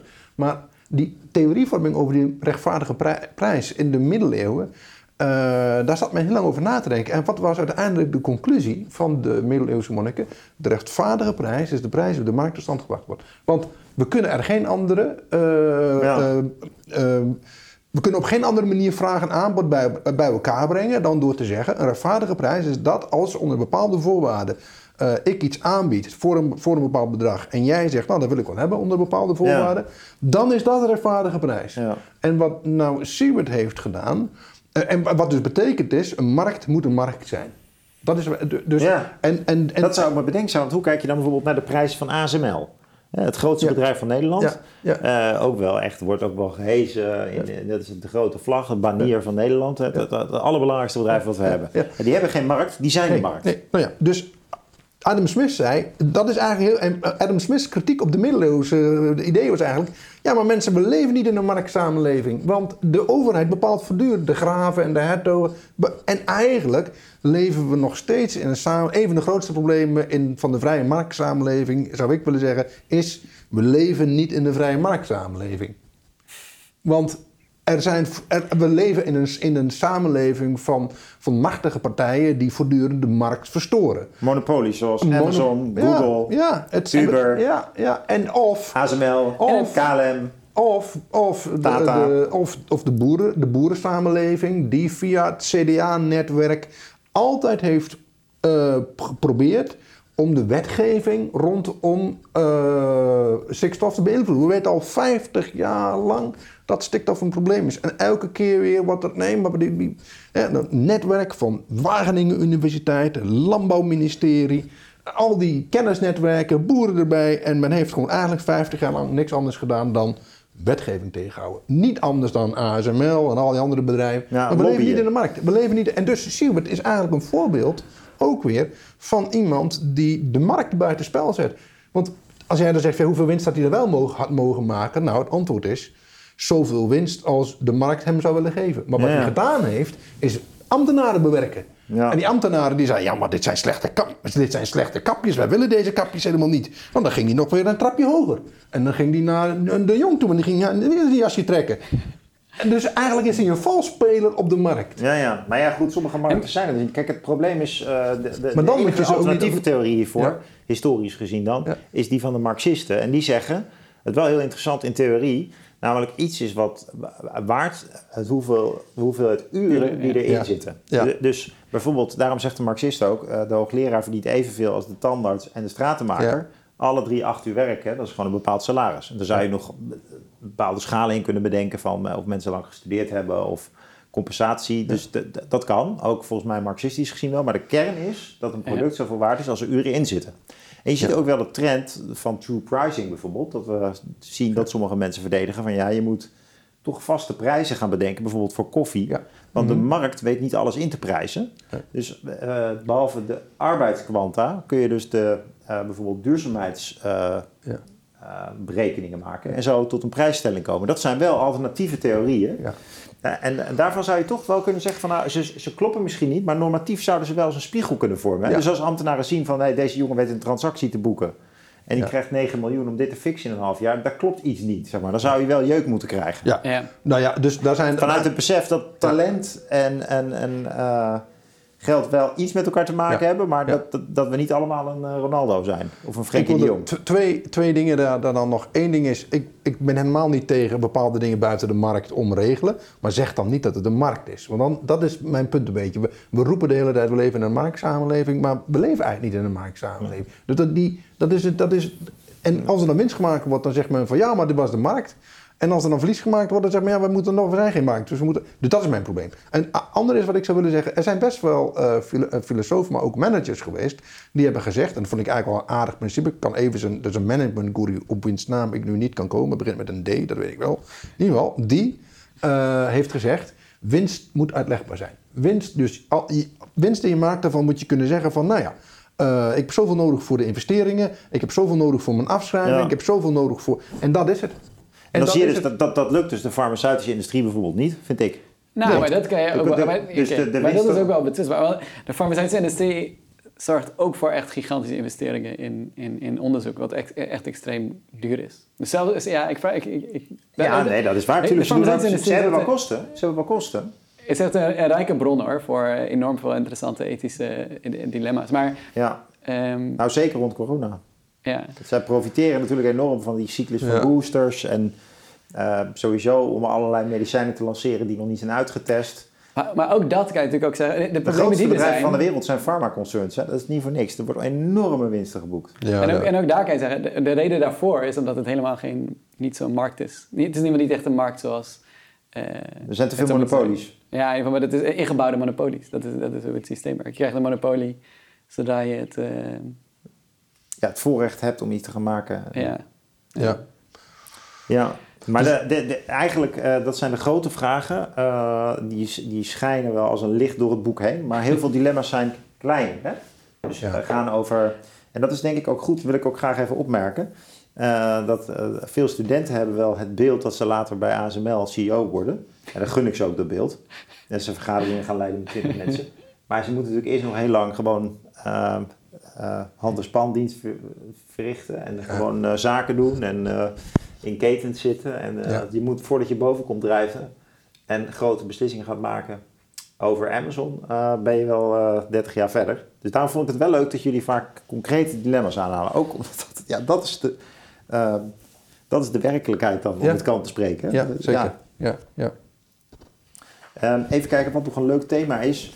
Ehm, waar ik ook wel over na heb gedacht, en jullie ook. Het relativisme. Omdat je toch met dit soort dingen dus Ja. ook het gevoel kunt krijgen... oké, leuk Jelle, eh, nu weten we ook dat we over de rechtvaardige prijs kunnen nadenken vanuit Marx. En eh, deze professor die zegt eigenlijk, eh, ja, het is een schijnmarkt... en ben het met allebei op een bepaalde manier wel eens. Maar misschien is er nog wel een derde theorie. Ja. En ja, wat, wat blijft er nou eigenlijk overeind? Dus kunnen we eens gewoon vanuit de kern... ehm, misschien moeten we dan zelf bij het vrijheidsprobleem beginnen... maar misschien kan jij eh, even eh, de begin, eh, de redenering opzetten. Wat is het relativisme? En, en wat, wat zijn de haken en ogen eraan? Waarom is het zo aantrekkelijk? Ja. En vast een voorschot van wat nou de tegenargumenten zijn. Ja, dus het relativisme stelt dat ethische oordelen eh, misschien wel waar of onwaar kunnen zijn, maar alleen maar waar of onwaar kunnen zijn binnen een bepaalde eh, referentiekader. Dus, en, en de meest voorkomende vorm is, is het cultuurrelativisme. Ehm, maar je ziet dit veel bij studenten eigenlijk als, oh ja, eigenlijk bij heel veel mensen als ze geconfronteerd worden met een ethisch oordeel. Van, wat Siewert van Linden heeft gedaan, dat kan niet. Dat is iemand, oké, eh, dat vind jij. Of dat, dat, dat, dat is misschien, dat kan je niet, dat kan je, ja, dus dat is moreel gezien problematisch vanuit het perspectief van een ethiekprofessor. Of is het eh, ethisch problematisch vanuit, Eh, vanuit wat de gem- gemiddelde Nederlander van denkt. eh, of zoiets dergelijks. En het lastige daarvan is, als dat, als dat waar zou zijn, dan is dat eigenlijk een ondermijning van voor elk filosofisch gesprek. Want je kunt wel een gesprek gaan voeren inderdaad over, oké, wat vinden we nou, wat voor, wat voor redelijke oordelen eh, zitten er in, in zo'n casus als die van Siebert van Linden. Maar uiteindelijk kan er iemand zeggen, nou ja, dat, dat vind jij, jij vindt misschien dat waar, of binnen jouw referentiekader zijn sommige dingen waar, maar binnen mijn referentiekader is dat misschien wel weer anders. En uiteindelijk loopt elke discussie dan vervolgens stuk op, eh, op een soort van ja, oh nee, dat vind jij, maar ik vind iets anders. Ja, en het probleem daarbij is nog, als ik mag toevoegen, dan ga ik naar jou. Eh, als ik praat met studenten, eh, dan valt me wel eens op dat er toch behoorlijk veel mensen zijn die zeggen, die shit heeft toch gewoon slim gedaan. Hij is alleen genaaid. Hij is gepakt. Hij had ze niet moeten laten pakken. Er is best wel wat respect voor hem. Ja, Die afwijzing, dat is wel weer het niveau van de krant en de televisie. Ik denk dat veel mensen veel meer eh, Instagrammable denken van, nou, hetzelfde gaat als hij. Wie wil er nou niet miljonair worden? Mensen Ja. begrijpen het ergens ook wel. Dus het relativisme is niet alleen maar subjectief. Je hebt ook gewoon een heel ja, deel van onze maatschappij dat redelijk asociaal naar dit soort dingen kijkt. Vanuit de ethiek geredeneerd. Ja. Echt asociaal. Dus niet, niet wil accepteren dat dat soort rollen bestaan. En die, die, die- morele zeden ook niet meer deelt. En er zijn allerlei oorzaken voor te geven dat dat zo is en zover heeft kunnen komen. Maar ben je het daar ook mee eens? Dat, dat, dat je denkt van... eh, Dat, ja dus als dat, iemand, dat, zegt- er- als iemand er zegt... kunnen hele groepen zijn die het er niet mee eens zijn. Is er iemand, is er iemand die zegt van, die, ja, ja, die heeft, iemand heeft, het- heeft het slim gedaan? Is, is dat dan iemand die ook zegt van, oh, is dat een relativistisch oordeel, denk je? Of is dat meer... Of Ja, die zegt namelijk van, eh, goh, eh, jij bent er kritisch over. Maar eh, ja, van, ik, dat is toch een goede poging van hem. Ik vind, ik wil ook graag rijk worden. ja. En, ehm, ja, dus ik, ik snap wel dat jij, ja, het is niet zo netjes, maar om nou te zeggen dat hij fout is. Ik vind dat een beetje streng, ja. Die, die, en die relativeren gewoon dat jij dat zo veroordeelt. ja. Die zeggen, ja, dat vind jij vanuit de ethiek geredeneerd. Maar wat is nou de plaats van de ethiek in de wereld? Ja, nee, exact. Dus zodra je dat erbij komt, dat stukje van, ja, maar dat vind jij. En dat, ik kan dat simpelweg weg, wegvuiven, want, want ik vind iets anders, of ik denk iets anders. Dan heb je een relativistisch oordeel en dan wordt het heel lastig. En je hebt er wel een rationeel antwoord op, en dat geven we ook in het, in het boek, want je spreekt jezelf binnen no time tegen. Dus bijvoorbeeld als iemand van jij steelt, dan zeg je niet van, oh, dat heb jij slim gedaan. Eh, slim, dat, mijn mijn fiets stond niet eh, vast, dus je hebt hem meegenomen. Eh, eh, ha- handig van je.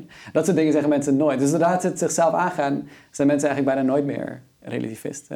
En, ja, en, en zodra mensen maken, ook zelfs als ze dingen zeggen zoals, oh ja, we, mo- we moeten, dus, we moeten, en dit is een voorbeeld van, van Wim hoor, maar eh, als mensen cultuur relativistische oordelen maken, zoals ja, we moeten ook begrijpen, in Afghanistan hebben mensen andere normen en waarden. En dat de Taliban daar regels naast heeft die wij niet accepteren, dat moeten we zo zien.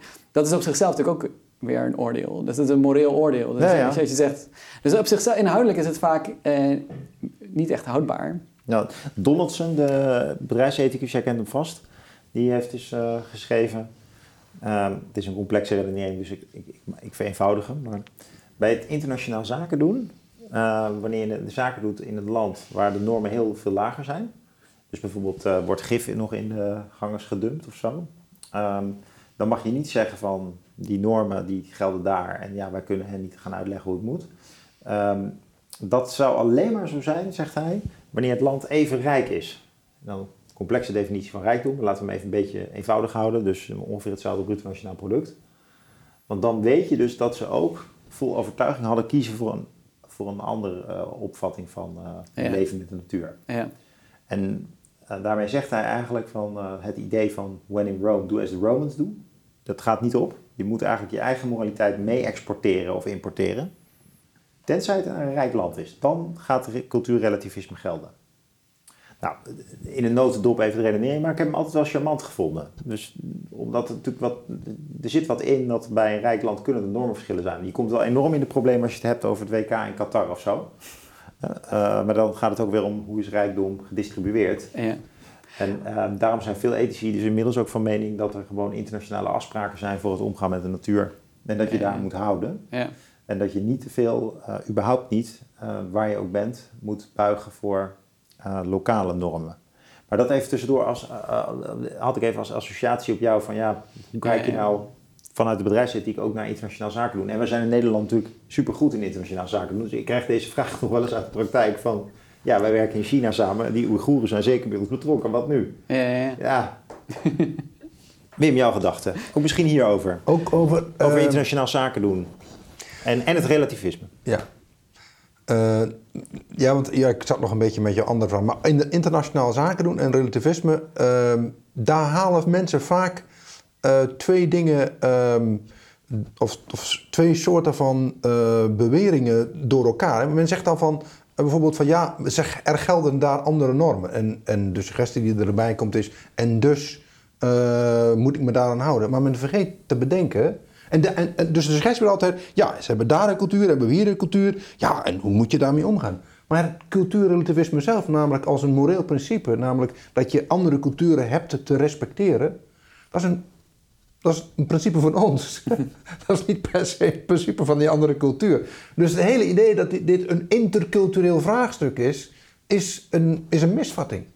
Je hebt namelijk, het is een intracultureel vraagstuk. Het is namelijk, wij hebben de re- morele regel, je moet respect hebben voor andere mensen, voor andere culturen. En dat betekent dat als jij andere mensen tegenkomt die andere normen hebben, dat dat, dat, dat botst. Niet als intercultureel vraagstuk, maar simpelweg als intracultureel vraagstuk. Dus, dus, het, he- dus het hele idee dat dat iets te maken zou hebben met relativisme, dat, ja, dat, dat werp ik wel een beetje weg. Dan zeg ik, nee, dit is gewoon een intracultureel vraagstuk. Maar Dat kan zich ook voordoen als ik naar mijn, als ik naar mijn buur, buurman ga. En die, en die buurman die heeft, eh, ja, die, komt, eh, die heeft hele andere normen. Dan is sowieso de vraag, hoe ga ik daarmee om? Dat is een intracultureel vraagstuk. Ja.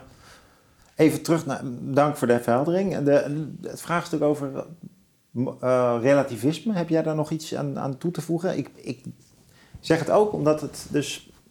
Ik, Nou- denk dat het, ik denk dat het het meest serieuze probleem in Ja. het boek is. Ik- En ook vanuit het publiek geredeneerd. Dus de Ja. meeste mensen die wij college geven, die zullen denken van ja, Ja. oké, weer een perspectief op de wereld. Een aantal dingen daarover. Ik, ik, jouw voorbeeld over mensen die zeggen, eh Sieuw het eh, slim gedaan, wil ik even buiten haakjes stellen. Want dat vind ik, dat is namelijk zelf een absoluut oordeel. Dus dat is geen relativisme. Pas als je zegt, en dat is jouw perspectief, dat zei Willem ook, op, dan wordt het relativisme. Dus of nou toespitsen op het relativisme, dat is wat mij betreft heel belangrijk. Maar dat word ik wel heel Kantiaans natuurlijk, misschien tot vervelings toe. Maar wat je ziet bij het relativisme eh, opduiken is eh, kans, eh, een belangrijke stelling, dat mensen de moraliteit niet alleen eh, ervan houden, maar dat ze hem ook haten. En de manier waarop wij laten zien in onze huidige tijdsgewicht dat wij de moraliteit ook haten, is door aan te geven dat hij relatief is. Want daardoor kan hij niet bij ons komen. Want zo gauw jij zegt, ja, ik heb hier iets mee te maken. Ja, dan wordt het vervelend, want dan gaat de moraliteit plotseling eisen aan jou stellen. Dat hele debat over relativisme is niks anders, eigenlijk voor een groot deel niks anders dan, nog, dan een muur die je lekker tussen jou en de moraliteit kan zeggen. En zeggen, ja, het heeft lekker niks met mij te maken, Ja. want alles is relatief. Dus je houdt op afstand, je laat het niet binnenkomen. Ja. Dat is, dus ik zou, ja, er wordt haast psychologiseren van het relativisme. Nee, maar dat doet Kant. Dat doet, Kijk, Kant, misschien- Kant, Kant die heeft toch ook die, die opmerking over het volgen van de zedenwet. Dat je, je doet het goede en dat moet eigenlijk ingaan tegen je behoeftes. Ja. Je, je kiest voor het volgen van het... eh, ja, ik vraag het Ja. aan jou Ja. Kantiaan, want Ja. ik het misschien te sterk eh Ja. vereenvoudig. Maar Ja. dat heeft hier ook mee te maken. Dus, je, je, je- dus het kiezen voor het morele, dat, dat heeft te maken met liefde en haat. Want je, wat je dus ook haat, is dus dat je iets in jezelf moet Je moet iets opgeven. Je, moet iets opgeven. moet- en dat ja. haat je natuurlijk, want dat wil je niet. Ja, ja, ja, ja, je moet iets opgeven. Ja, dus er is een... Er is, in die zin is het, is het moreel doet niet zoals bij Aristoteles ehm, een ongecompliceerde eh, Nee. uit, uitoefening van je deugden Nee. en het, het voortzetten van je levensstijl. Nee, de, De, de, mens is een verscheurd dat- wezen. Ja, de mens is altijd een innerlijk verscheurd wezen die Ja. altijd twee kanten op kan. En, de, Ja. en eh, ik zou zeggen, de- het hele debat over relativisme is een hele belangrijke manier waarop wij eigenlijk ons proberen eh, om daarbij weg te kijken. We zijn Ja. eigenlijk blij dat we, we raken de innerlijke verscheurdheid kwijt. Want we kunnen dan lekker doen wat we toch al wilden. En we hebben, want dat is het grap van het relativisme. Het relativisme presenteert zichzelf als een moreel argument. Ik mag lekker doen wat ik zelf wil, want alles is relatief. Dat is dus een moreel argument. Dus de, de hele constructie Ja, is eigenlijk contradictoire. Jij hebt Ja. niet het recht, jij hebt niet het morele recht om iets van mij te vinden, want de moraliteit is relatief. Dus de moraliteit zou eigenlijk zichzelf opblazen. Ja. Ja, dan zie je al dat daar iets goed fout is. ja in een mooie gedachtegang die hier ontvouwt. En het zou ook eh, terugverwijzend kunnen worden verbonden aan het mensbeeld. Je zou je dus eigenlijk terug moeten naar een het idee van dat de mens persoon wordt. Nou, dat is even eh, creatief op het moment hoor. Door ook te gaan zien dat hij zelf een verscheurd wezen is. Ja. We moeten gaan, gaan onder ogen gaan komen. Ehm, dat je dus jezelf, eh, dat je dus voor hogere idealen moet kiezen, maar dat je ook dingen moet ontzeggen. En dat Ja. betekent dus dat je niet one of a kind bent. Nee.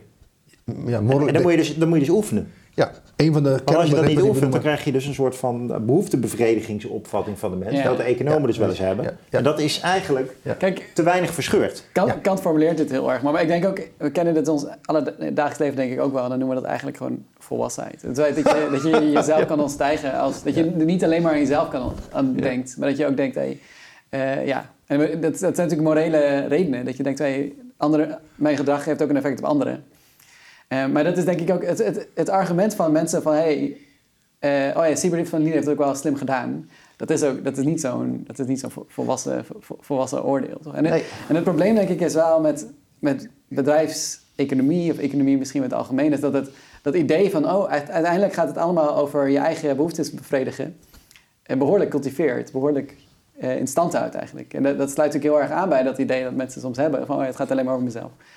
Het, is niet, het werkt niet echt een bepaalde die morele volwassenheid eh, in de hand. En dat, dat, maakt, het, dat maakt het soms Nou. uitdagend om, om bedrijfsethiek te doen. Ja.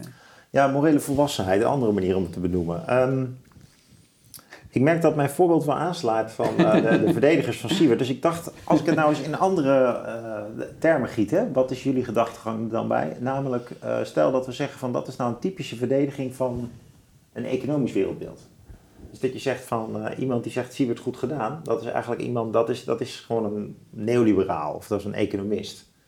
Die denkt, dus die heeft als mensbeeld van ik heb gewoon preferenties en die wil ik bevredigen. Ja. En jij het andere. En, eh, dus die is niet per se relativistisch, maar die, eh, die is dus economistisch. Ja. En ik- zou wel graag willen horen hoe, jullie, of, hoe jij daar naar kijkt. Ten meer omdat ik wel durf te beweren dat heel veel economische theorie daar toch eigenlijk stiekem van uitgaat, vroeg of laat. Of dat ze zeggen van het kan natuurlijk ook ethisch zijn, maar, maar dat Ja. het in de kern toch vaak neerkomt op simpele behoeftebevrediging. En dat hij dus ambitieuze behoeftes aan het bevredigen is. Wat, wat, wat zit je er nou ethisch tegenover? Hij is Ja. geen relativist, maar een economist. Ja, ja, maar ik vind, het economisme, daar is op zekere zin ook best wel veel voor, voor te zeggen. Of dat je is inderdaad het neoliberalisme in zekere zin. Maar ehm, wat dat wel ook veronderstelt, en dat komt weer terug op het punt wat Wim eerder maakte, is dat, dat je inderdaad eh, situaties kan creëren waarin het, het bevredigen van je eigen behoeften uiteindelijk het beste is eigenlijk voor iedereen. En dat is namelijk volgens mij een van de, van de redenen waarom mensen ja, ook verdedigen ne- neoliberale ideeën verdedigen. Is dat, dat, uiteindelijk, dat ze uiteindelijk dat denken. Als komt een onzichtbare hand, dat als iedereen Ja, maar als iedereen- gewoon exact. Als iedereen bevredigt, komt het wel goed. Ja, maar dat, is dus, dat werkt inderdaad zo in goed werkende markten. De markt voor, ehm, ja, voor graan dus, of zoiets dergelijks. Grappig dat jullie zulke marktadepten zijn, want ik zou zeggen dat werkt helemaal niet in markten. Dit is het hele, dit, bijvoorbeeld het probleem van Ja, externaliteiten. nee, maar dat ben ik ook wel met je Als eens. iedereen zijn Dat behoefte bevredigt, dan kun je dus in een, in een, in een kun je dus roofbouw plegen op, eh, op de maatschappij of natuur bijvoorbeeld. Ja, maar dat ben ik helemaal met je eens. Maar dus, dat, dus ik ben, ik, ik, ben het met je eens dat, dat het economistische wereldbeeld werkt zeg maar conditioneel op het feit dat er perfecte markten zijn. Maar die bestaan helemaal niet. En dat roept natuurlijk al deze, al deze vragen op. Dus eh, volgens mij het economistische, ja, de economistische wereld, wereldbeeld, of de morele filosofie of, zo, zoiets dergelijks, is niet echt stabiel. Want zodra je inderdaad gaat zeggen van, oh ja, nee, maar we moeten gewoon allemaal onze eigen, onze eigen, eigen behoeftes bevredigen en dan leidt het uiteindelijk tot de beste uitkomst. Ja, dat, dat, dat werkt in een droomwereld die niet echt bestaat. Wim, ik hoorde jou nog even aarzelen. Nou ja, nee, ik, eh, ik zou er om het eigenlijk misschien op een andere manier uit te leggen als eh, Willem heeft gedaan. Dus er is een, ehm, een filosoof als eh, Butler, die zegt eigenlijk... eh, ja, al die filosofen die zeggen dat je ethiek, eh, dat dat tegenover zelfinterest staat. Dat, eh, dat, daar moet hij niks van hebben. Hij zegt, iedereen moet zoveel mogelijk zijn zelfinterest navolgen. Maar, zegt hij, ehm, je, hebt, je kan je zelfinterest op, op je eigen belang op allerlei manieren eh, navolgen. Je kan het op een, niet-rationele manier doen en je kan het op een rationele manier doen. En wa- wat je doet als je het op een niet-rationele manier navolgt, dan, dan, dan volg je bijvoorbeeld je passie. Je bent iemand die van zichzelf heel woedend is en heel snel in woede ontbrandt. Eh, en dan denk je dat jouw eigen belang is je woede volgen. Dus eigenlijk, wat Butler eigenlijk zegt is, het goede leven bereik je eigenlijk alleen als je je rationele eigen belang volgt. Dat betekent eigenlijk je gedisciplineerde eigen belang. Dus de, de, de, de contradictie die een beetje getrokken wordt tussen enerzijds de mens die zomaar zijn behoeftes volgt en anderzijds de mens die zichzelf disciplineert om het op een andere manier te doen, die contradictie bestaat eigenlijk bijvoorbeeld bij een, een filosoof als Butler niet. Want hij zegt, ja, ook als jij je eigen belang op een goede manier wilt volgen, disciplineer je jezelf ook. Ja, maar er zit toch ook het puntje van eh, Willem speelt hier natuurlijk nog wel, want je kunt natuurlijk wel eh, onvolwassen blijven. Hè? Dus dan ben je bezig met je welbegrepen eigenbelang. Je doet ook alles een beetje volgens de boeken en je hebt je deugdpuntjes. Maar ondertussen ben je gewoon keihard aan het verdienen over de ruggen van anderen. Ehm, Dat, dat, blijft, dat blijft toch een hele grote optie. Dat, je ziet hele sectoren die zo draaien, zou ik bijna zeggen. Dus eh, Ja, nou in een filosofie zoals eh, Butler, die zou, eh, ik weet niet of ik het daar helemaal mee eens ben, maar in een filosofie zoals Butler, die zegt nou, dat soort mensen, die, die, kunnen, die denken zichzelf wellicht helemaal te, ku- te, te kunnen compartiment, compartimentaliseren. Dat ze dus de keiharde zakenman zijn in het zakenleven, maar thuis zijn ze de leuke vader en de liefhebbende echtgenoot en daarnaast hebben ze ook nog een heel goed sociaal leven. Ehm, en hij zal zeggen, ja, dat werkt toch eigenlijk niet op die manier. Dus je, je, je kan je wel die hele harde eh, zaken, maar uiteindelijk heb je dan geen goed leven. Je hebt al een heleboel geld misschien, als je geluk hebt. Meest, waarschijnlijk niet, maar als je. eh, nee, de, de, de- maar de, de, de, uiteindelijk word je daar niet gelukkig van. Dus je goed nadenkt, Ja. ga je, stel je de vraag: wat zijn de belangrijkste zaken op de wereld? En die hebben heel veel belangrijke zaken, hebben, eh, hebben maar ten dele met geld te maken. Sommige trouwens helemaal niks met geld te maken. ja, ik zou wel En zo dat- ver dat willen gaan dat je dus die, geluk, je kunt juist wel gelukkig worden dan. Geluk is gewoon een hele dunne term. Wat je niet kunt nastreven is het goede leven. Maar Ja. geluk- gelukservaring kun je wel hebben. Gelukservaring. Dat is het probleem. Dat die, die rijke, gelukkige mensen dus niet inzien dat ze, Maar dat ze geen gecultiveerd leven leiden. Ja. Ik denk zelfs ook dat een, een goed leven dus ook in op grote belangrijke stadia ongelukkig is. Ja, dat nou is ja. ook trouwens wat Aristoteles zegt hè, in, in Ja. zijn boek Ethica Nicomachea. Dan zegt hij ook de eudaimonia. Dat betekent zowel excellentie als goed leven als gelukkig eigenlijk. Dus, dat is een zware term dus. En in die eudomonese ethiek is het zo, ja, je kunt sowieso pas rond je veertigste gelukkig worden. En als je geen aanzienrijke plek hebt in de wereld, dan, eh, ja, dan wordt het ook ingewikkeld. Er zijn allerlei condities nodig. Ja. En eh, dan is pas, en met al het andere geluk zegt hij, ja, dat is, ja, is ook eh, plezierig, maar dat is niet, dat is niet de eudaimonia. ja, ja. En er zit wel een kern van waarheid in, dat je die voor jezelf moet. Het is natuurlijk, die, die, die leeftijd klopt niet meer, want we leven nu in een wereld waar je anders dan in de tijd van Aristoteles, het oude Athene, 4e eeuw voor Christus. Nu is er een wereld met onderwijs, met, met snelwegen, met, met, met, met, modernisering, waar, waar, waar heel veel dingen condities aanwezig zijn, waardoor je op veel vroegere leeftijd en met veel minder middelen eudaimonia kunt cultiveren. Maar het blijft iets wat veel moeilijker is dan gewoon eenvoudigweg geluk in de zin van ik voel me lekker, subjectief welbevinden. Kant die zegt het zo, het streven naar geluk laat altijd een groter gat na, eh, achter dan dat het vult. Dus, eh, en daarom is het, is het streven naar geluk op zichzelf een vrij domme levensstrategie. Eh, wat je wel kan doen is streven naar, ehm, naar, het, an, da- naar het analogon van geluk. En dat noemt hij zelftevredenheid. En zelftevredenheid is ehm, eh, tevreden zijn met een, met een, een, een zelfgekozen waardig pad. Het is, het, het, is het, het is de tevredenheid die volgt op een morele levenswijze. Oh, mooi, En- mooi en, verwoord. en die is veel stabieler inderdaad. En waar, waar komt deze gedachtegang voor? Eh, dat moet eh, de tweede kritiek zijn, eh, ik denk het tweede hoofdstuk.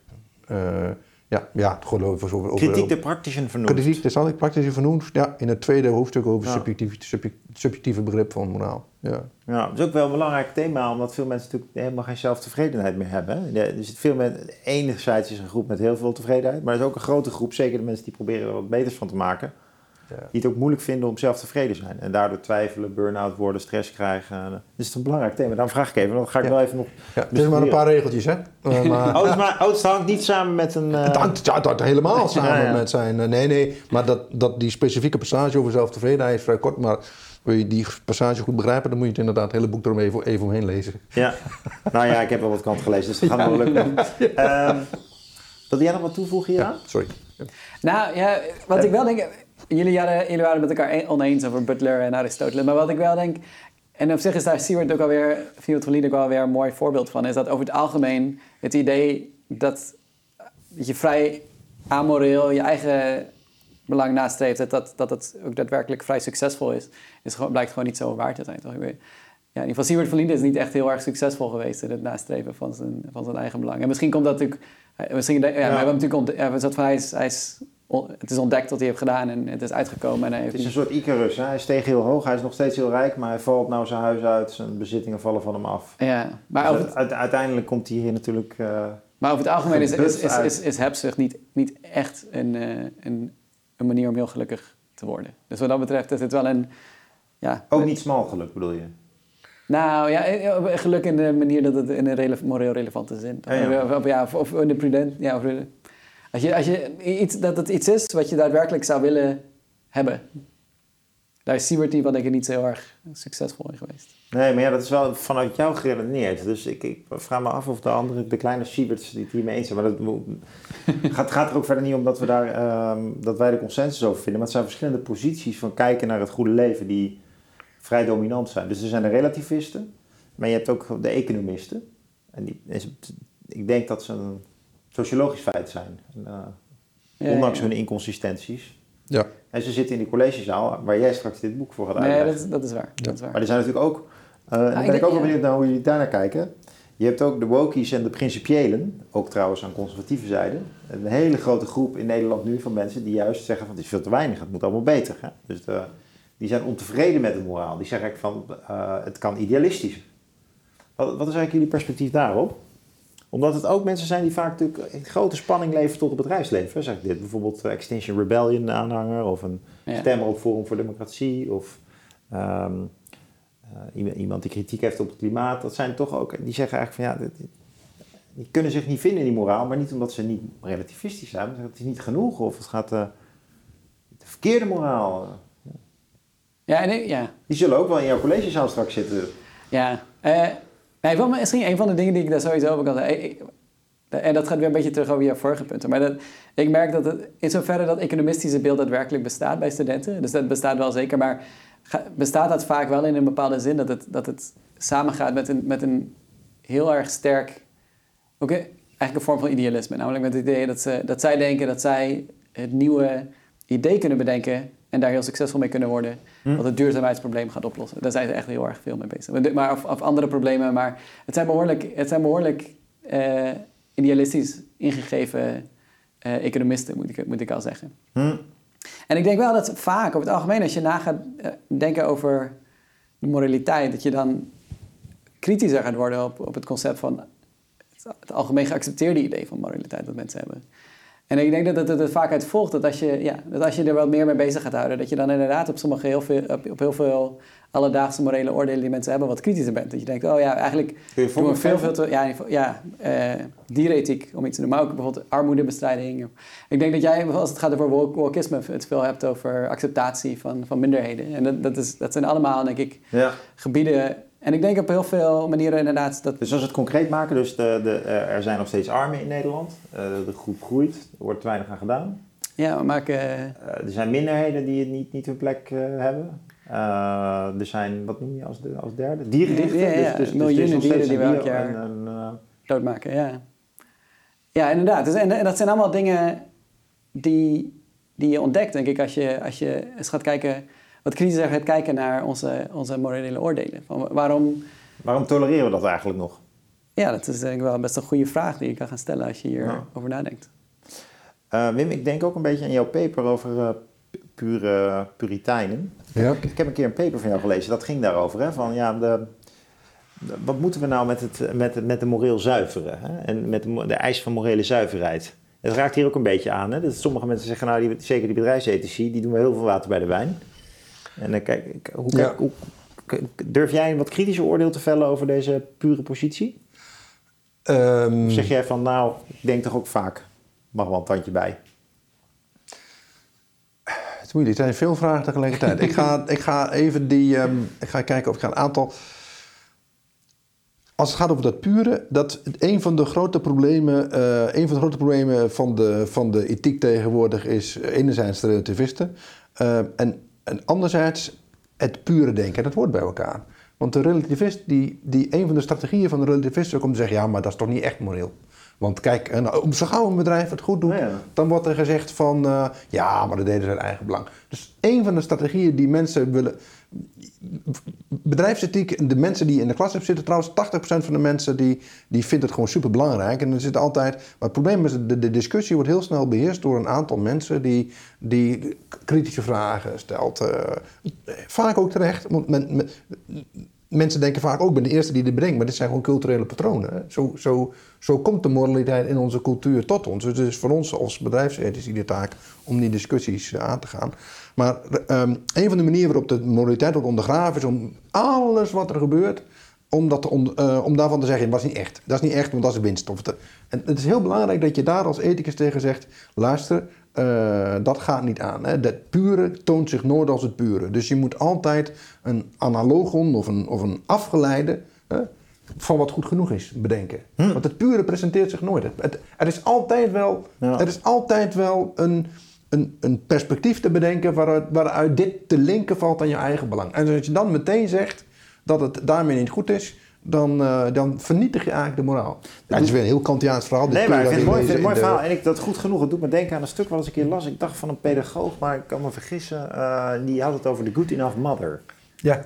En het idee was daarbij van veel moeders die worstelen met, eh, met perfectionisme. Ja. Ik zie het ook wel om me heen. En vaders hebben het ook, dus laten we dat nou eens een keer eh, ook als mannen interpreteren. De Ja. good enough, de de goed Ja. genoeg vader. Ja. En dat betekent dus inderdaad dat je dus niet eh, altijd met je kinderen spelletjes gaat zitten doen of zo. En, en dan als je dan even zelf voor jezelf de krant leest, dat je je schuldig voelt. Nee, je moet, het- je moet ze aan de gang helpen, spelletjes met spelen. Tuurlijk, dat stimuleren, zeker als Ja. het nodig is. Ja. Maar goed is goed genoeg. Ja. En, ehm, eh, je hebt ook een Frans spreekwoord. Het, ehm, eh, le mieux, c'est l'ennemi de bien, heet het geloof Is het? Even kijken of ik het nou goed onthouden heb. Het perfecte is, het perfecte is de vijand van het goede. En daar heeft hij iets mee te maken. Dus Ja, ja, dat, zeker. Het pure is ook een probleem van het goede doen. Ja. En het goede doen betekent ook dat je zegt van, ja, het schijnt er doorheen. Ja, het is niet, het is niet, het is inderdaad niet perfect. En Nee, ik zou het liever wel zo hebben. Maar dat heeft dus als probleem dat je dus met een psychologische last te, te zitten Ja. komt. Ja. Ja. Is die relatie tussen ethische overwegingen en eigen belang is best wel ingewikkeld. Want een van, de, een van, een van de problemen is dat mensen soms denken... Oké, eh, de ethiek, wat, wat, wat, wat zit er voor mij in? En dat is een vervelende manier van denken. Want, want dan, eh, ja, eh, eh, dan, dan, dan, dan, zit je meteen... Ja, dan ben je eigenlijk helemaal niet meer ethisch bezig. Dan ben je bezig met marketing, eigenlijk. En anderzijds kan je zeggen... En anderzijds is het probleem dat mensen... Zodra ze inderdaad maar een klein beetje eigen belang detecteren... Dat ze dan denken, oh, maar dan, dat is eigenlijk niet zo moreel. Dat zit, dat zit bijvoorbeeld heel erg... Ja, dat zit bijvoorbeeld heel erg erin in, in dat, dat, wat Wim zei. Dat zodra een bedrijf iets doet... dat een cynisch persoon altijd zegt van ja, dat is, maar dat is eigenlijk gewoon omdat ze meer winst willen Eigenlijk maken. een schaamte. Eigen, ja, precies. Alleen maar om te legitimeren dat ze eigenlijk Ja. veel winst maken. Ja. Ja. En als je, de- zo'n houding is best wel een beetje giftig eigenlijk, want dat, dat zorgt ervoor, ja, Ja. dat met- met heel veel bedrijven best wel goede dingen doen. Ze kunnen Ja. eigenlijk niet anders dan tenminste een klein beetje ook geven om eh, hun eigen winst. Anders kan je als bedrijf helemaal niet doorbestaan. Ja, je bent wel een heel erg optimist. Die, eh, ja, Kant zegt hierover, maar dan heeft hij het niet over grote bedrijven hoor, maar dan heeft hij het meer over het alledaagse Die leven. had je toen nog niet. Nee, nee, maar hij heeft het over, hij heeft het over, de, hij heeft het over de mensen in het dagelijks leven Ja. die voortdurend op zoek zijn naar. eh, die zeggen dat zijn, ze- deze mensen denken dat ze de grootste hoeders van de moraliteit zijn door altijd het, het impure aan te wijzen. Maar eh, het effect van deze zogenaamde beschermers van de moraal is dat ze de moraliteit ondermijnen. Want het is dan nergens meer te zien. En de moraliteit moet, eh, heeft, moet kunnen worden getoond In, in de praktijk. Als de moraliteit zich niet meer kan tonen in de, in de werkelijkheid, dan is het weg. En, en het toont zich natuurlijk ook. Ik bedoel, da- daar begin ik ook... Dus het beste wat je ook tegen een relativist of, een cynicus kan zeggen... is mensen, kijk om je heen. Kijk hoe Nederland is georganiseerd. Iedereen komt... Wij kwamen hier deze zaal binnen. Door, we gingen gewoon netjes zitten. We sloegen elkaar de hoofd niet in. Ik ben hier naartoe gereden. Ik heb eh, geen verkeersovertredingen gezien. Niet gepleegd. Ik heb, geen, ik heb niks... Iedereen, iedereen leeft hier gewoon... ehm, Vanuit gewoontes eigenlijk met het oog op het goede. ja, ja, dus heel veel dingen gaan ook heel erg goed. Ja. Ook moreel gesproken. Ja. Moreel gesproken is dit een tamelijk eh, ehm, ja, goed gelukte... is heel veel mis. Ja. Is ook heel veel... Wel in het alledaagse leven ook heel veel wel gelukt. En, en dat is terugkomend op jouw vraag rondom dingen. Dan zou ik zeggen, ja, wat is moraliteit? Moraliteit zit vol met gekke paradoxen. Dus aan de ene kant kun je ook weer zeggen... het is een super conservatieve kracht. En dat frustreert natuurlijk de, de mensen die woke willen zijn... en die, en die zeggen maatschappelijke verandering is... maar de moraliteit vermengt zich met het, met het recht... en met de conventies en al die dingen meer... en is als zodanig heel conservatief. Tegelijkertijd eh, heeft het natuurlijk ook altijd een ideaal. Daar, daar moeten we naartoe. En dat is heel progressief. En dat, dat is inherent, inherent aan, de, aan de moraliteit dat het die spanning heeft. Ja, mooi dat zou ik willen zeggen aan, aan de mensen die woke zijn. Ja, je hebt volkomen gelijk, maar je moet wel oog hebben voor het feit dat de moraliteit die dubbelwerking heeft. Ja, ja, ja. Ehm, een laatste kritische vraag. Ehm, jullie zeggen van het is bedrijfsethiek, het is geen marktethiek. Ja. Het is dus eigenlijk geen politieke theorie. En eh, ik heb zelf in mijn stuk over ehm, belastingontwijking wel geprobeerd te zeggen van ja, een hele business kan toch corrupt worden en ondertussen aan alle morele eisen voldoen. Eh, bijvoorbeeld dus de, wat ik noemde de wealth defense industry. Die eh, accountants en advocaten die eh, zich volledig richten op het helpen van bedrijven om zo min mogelijk belasting te betalen. Ja. Nu denk ik, het is ook niet zo dat je moreel beter wordt als je zoveel mogelijk belasting betaalt. Dat is helemaal niet mijn impliciete aanname. Dat zeg ik helemaal niet. Maar andersom, een hele industrie die gericht is om mensen zo min mogelijk belasting te laten betalen. Ja. Ja. Ja, dan denk ik toch ook wel van, ja, hoe kan het bestaan? Hè? En dan kom je eigenlijk dus ook aan de grenzen van de bedrijfsethiek, want het gaat niet Ja. meer echt over eh, menselijke relaties. En je hebt het echt over een systeemprobleem. Ja. Ja. Maar daar moeten we ook ehm, oog voor blijven houden. Hadden jullie ook dat gevoel dat het stukken van mij in die zin aan de grenzen van de bedrijfsethiek raakt, maar wel dat eigenlijk er wel toch nog in hoort? Omdat je zegt, ja, je moet, kijk, die mensen die in de bedrijven werken, die moeten natuurlijk onder ogen gaan komen. En, die, en die, volgens mij voelen die dat ook wel aan. Op de een of andere manier wil het wel eens van de radar verdwijnen. Eh, omdat je toch zegt van ja, maar het is toch een hele sector en ze hebben al goede intenties en ze hebben klanten. En, Ja, eigenlijk is mijn antwoord nee. Want ik, en de reden daarvoor is dat ik denk, eigenlijk is het voor mijn gevoel zo bij bijna elk probleem in de bedrijfsethiek. Dat je ook zou kunnen zeggen van ja, maar als het nou gewoon beter geregeld werd door overheden, dan bestond dit probleem helemaal niet. En dat is, dat is bijvoorbeeld bij duurzaamheid zo. Weet je wel? Waarom is er nog steeds geen, geen handel in, ehm, of geen, ja, waarom zijn er nog steeds niet, geen, markt in CO2-rechten? Economen zeggen dat dat super belangrijk is om het probleem op te lossen. En als het wel zou, er zou zijn, dan zou het hele duurzaamheidsprobleem in ieder geval enorm veranderen vanuit een ethisch perspectief. Voor mijn gevoel is dat dus denk ik bijna altijd, zijn, zijn als bedrijf ben je altijd, werk je altijd in een, in een markt. En heb je altijd te maken met regulering en een overheid. ja, En volgens mij gaat bedrijfszetting bijna altijd over die vragen. Want er zijn problemen in deze, in deze context. Er zijn problemen in de markt. Er zijn problemen Ja. in de institutie waarin je opereert.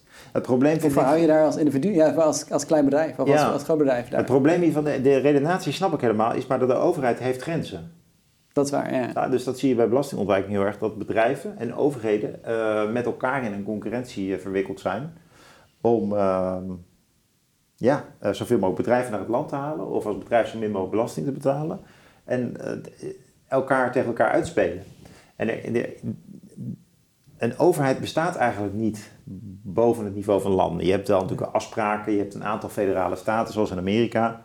Eh, dat is een federale staat, maar Europa heeft dat verder niet. Nou ja, maar je kan ook niet, zelfs als Europa zich verder die kant op ontwikkelt, wat ik verder geen goed idee vind, behalve dan op het terrein van belastingen.